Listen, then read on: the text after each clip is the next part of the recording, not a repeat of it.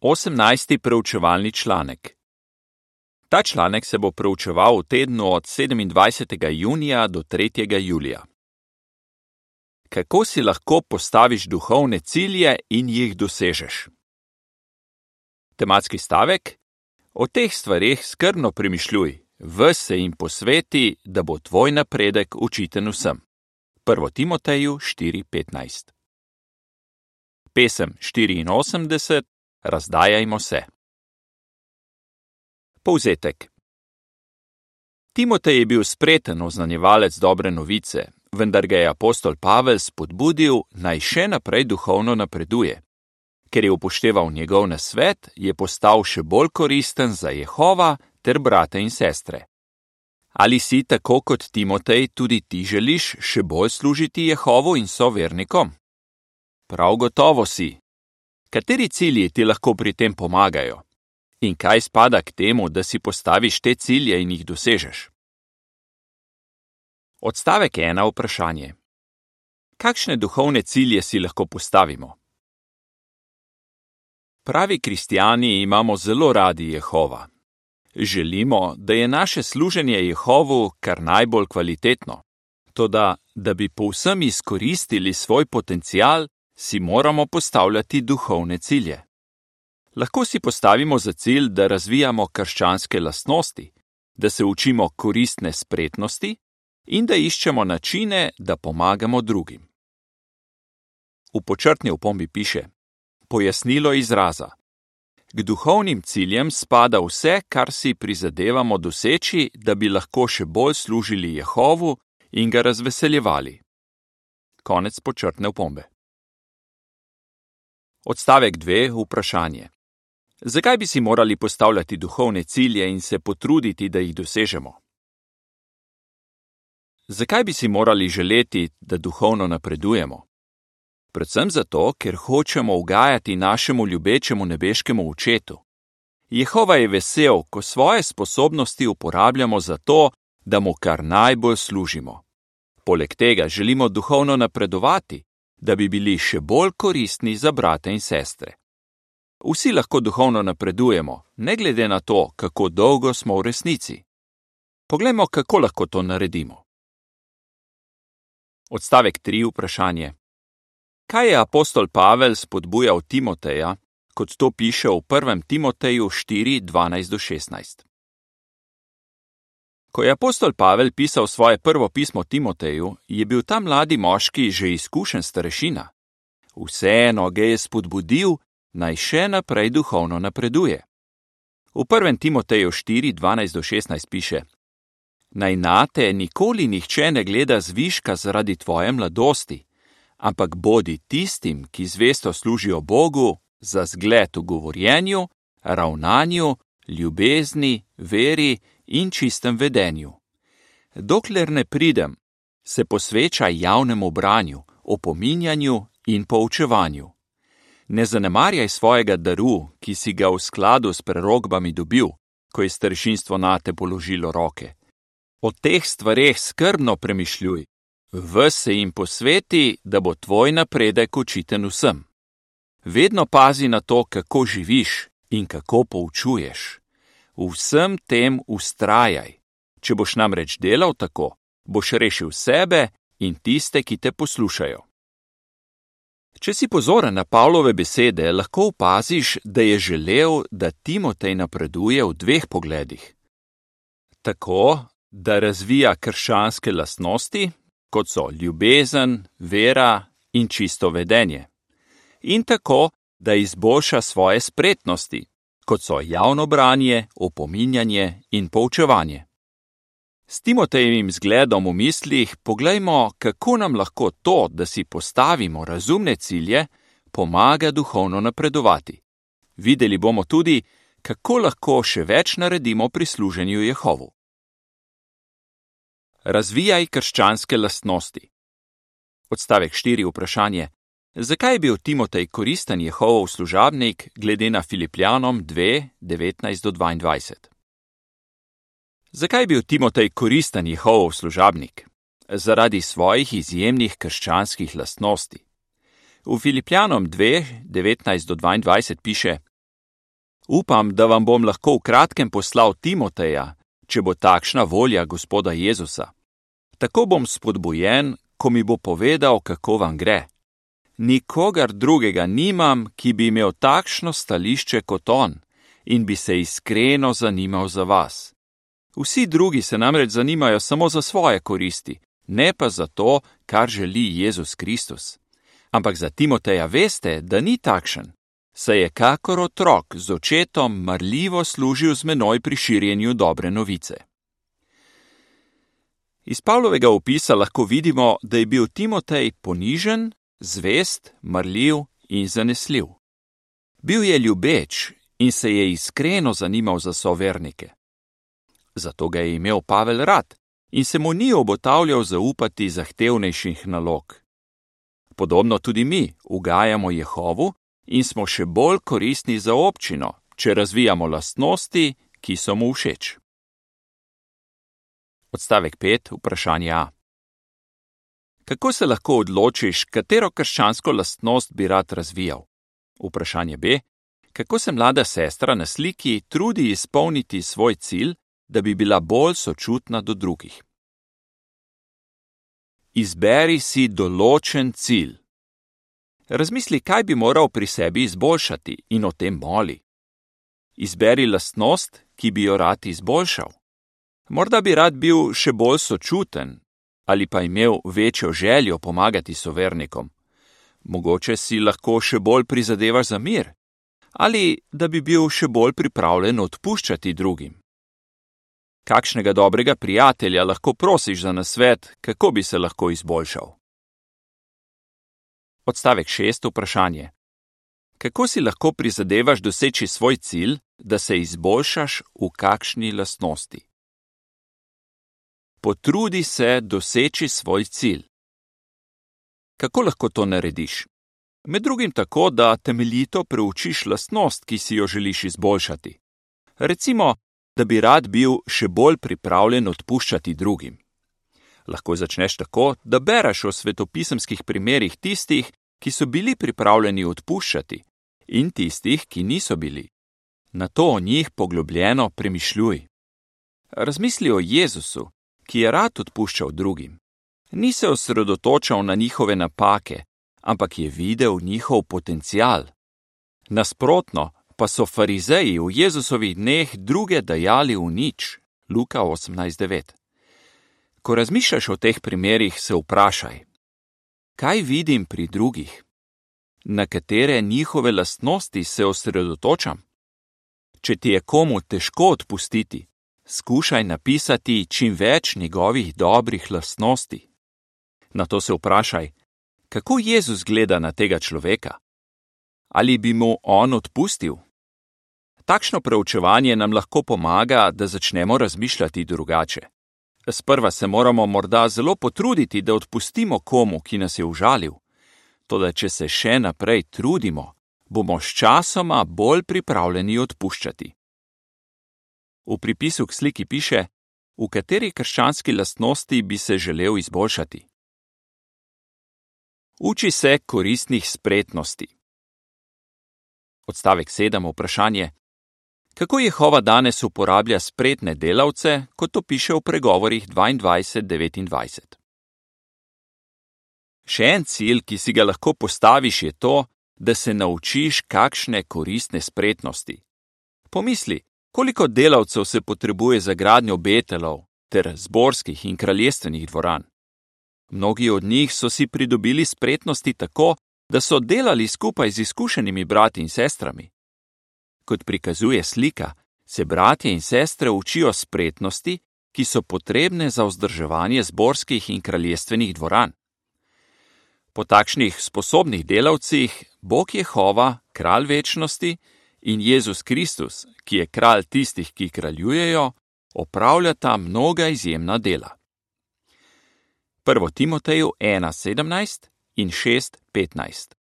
V pregovorih 22:29 piše: Ali si videl človeka spretnega pri svojem delu? Takšen ne bo stal pred navadnimi ljudmi, stal bo pred kralji. Svoje spretnosti želimo marljivo uporabljati v slavo Jehovu, ne pa sebi v slavo.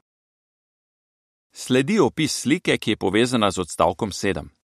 Brat usposablja dve sestri za vzdrževalna dela. Pridobljene spretnosti dobro uporabljata. V pripisu k sliki piše: Daj se na razpolago, da se naučiš, kako vzdrževati kraljestveno dvorano. Odstavek 8. Vprašanje: Kako se lahko odločiš, katero spretnost se boš učil? Izberi si določen cilj.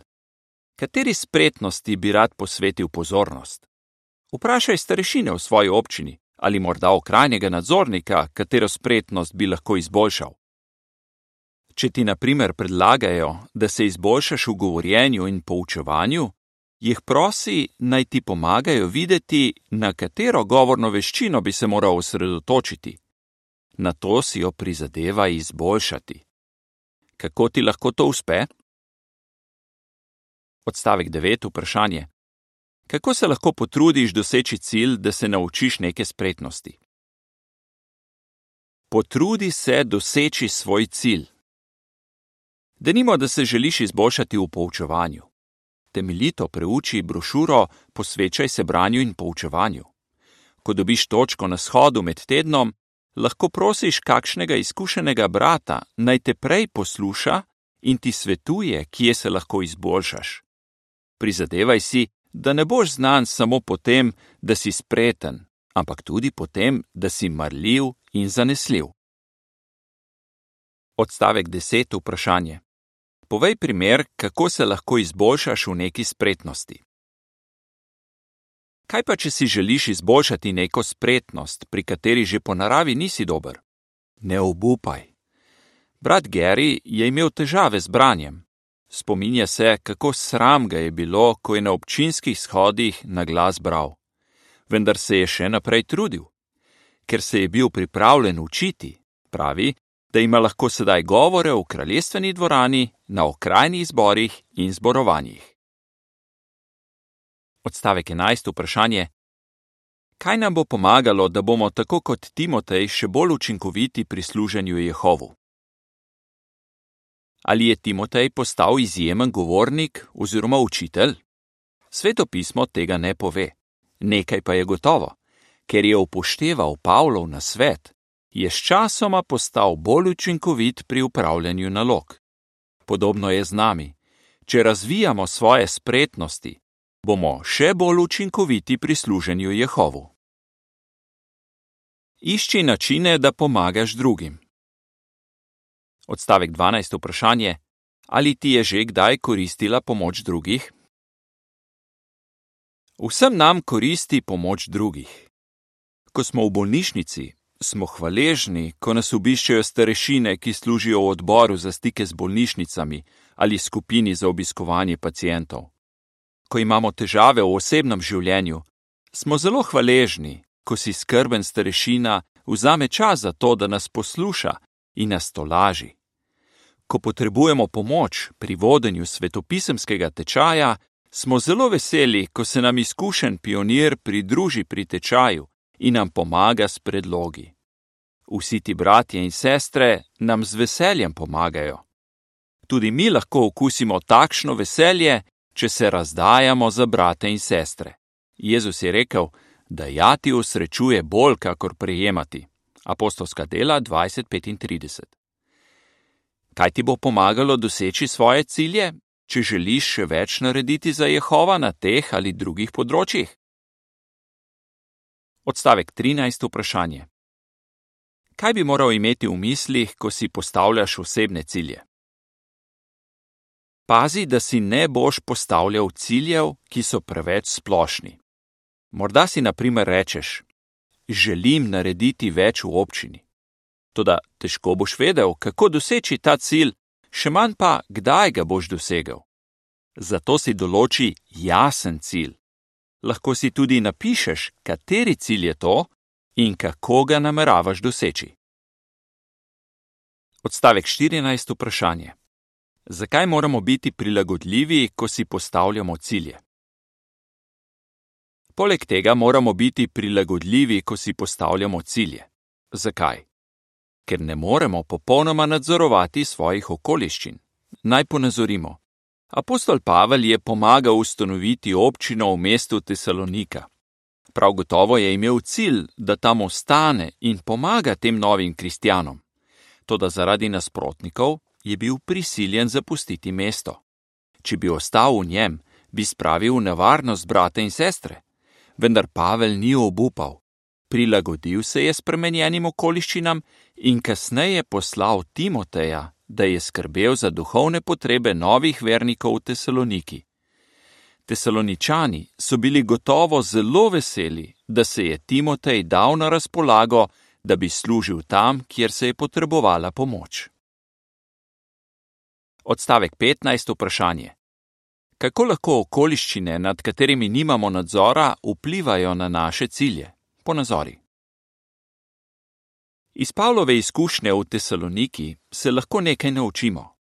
Morda si prizadevamo za dodatne naloge, vendar nam okoliščine, nad katerimi nimamo nadzora, preprečujejo, da bi dosegli ta cilj.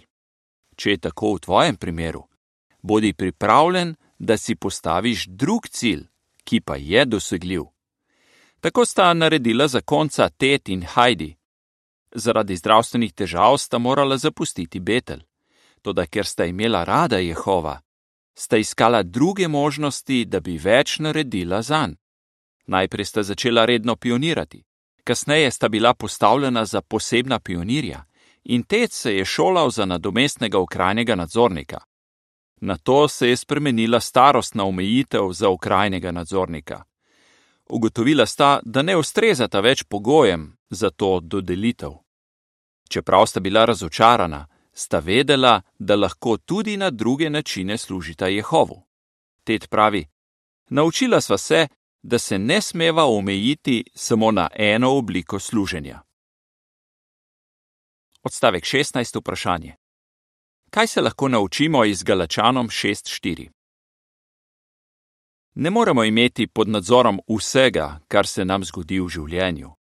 Zato je pomembno, da svojega uspeha ne merimo po nalogah, ki jih imamo, niti da svojih nalog ne primerjamo z nalogami drugih. Hajdi pravi: Če svoje življenje primerjaš s tem, kar vidiš pri drugih, boš izgubil svoj mir. V Galačanom 6:4 piše: Najraje vsak preišče svoja dejanja in tako bo razlog za veselje našel pri samem sebi, ne pa v tem, da se primerja z drugimi. Zato je pomembno, da iščemo načine, kako bi lahko bili koristni pri služenju Jehovu. Odstavek 17. vprašanje. Kaj lahko narediš, da bi ustrezal pogojem za teokratične naloge? Če boš ohranjal svoje življenje preprosto in se ogibal nepotrebnih dolgov, boš na voljo za teokratične naloge. Postavljaj si manjše cilje, ki ti bodo pomagali, da boš dosegel večje. Če je, na primer, tvoj cilj postati redni pionir, bi lahko najprej neprekinjeno pomožno pioniral. Če je tvoj cilj služiti kot strežni služabnik, bi lahko več časa namenil oznanjevanju ter obiskovanju bolnih in starejših v občini. Izkušnje, ki si jih boš pridobil sedaj, ti lahko odprejo pot do teokratičnih nalog v prihodnosti. Pri vsaki nalogi, ki jo imaš, se kar najbolj potrudi. Odstavek 18. vprašanje. Kaj se lahko naučiš od sestre Beverly, kot pokaže slika? Nikoli nismo prestari, da bi si postavili duhovne cilje in jih dosegli. Razmisli o 75-letni sestri Beverly. Imela je hude zdravstvene težave in zato je težko hodila. Vendar si je močno želela podpreti akcijo vabljenja ljudi na spominsko slovesnost. Postavila si je določne cilje. Ko jih je dosegla, je bila zelo vesela. S svojim zgledom je spodbudila druge, da so več oznanjevali. Jehova ceni delo naših starejših bratov in sester, čeprav jih omejujejo okoliščine. Sledi opis slike, ki je povezana z odstavkom 18. Sestra, ki je priklenjena na dom, uspešno oznanjuje po telefonu in vabi ljudi na spominsko slovesnost. V pripisu k sliki piše: Izberi si cilj, ki ga lahko dosežeš. Odstavek 19. Vprašanje. Katere duhovne cilje si lahko postavimo? Postavi si cilje, ki jih lahko dosežeš. Razvijaj lastnosti, zaradi katerih boš ugajal Jehovu.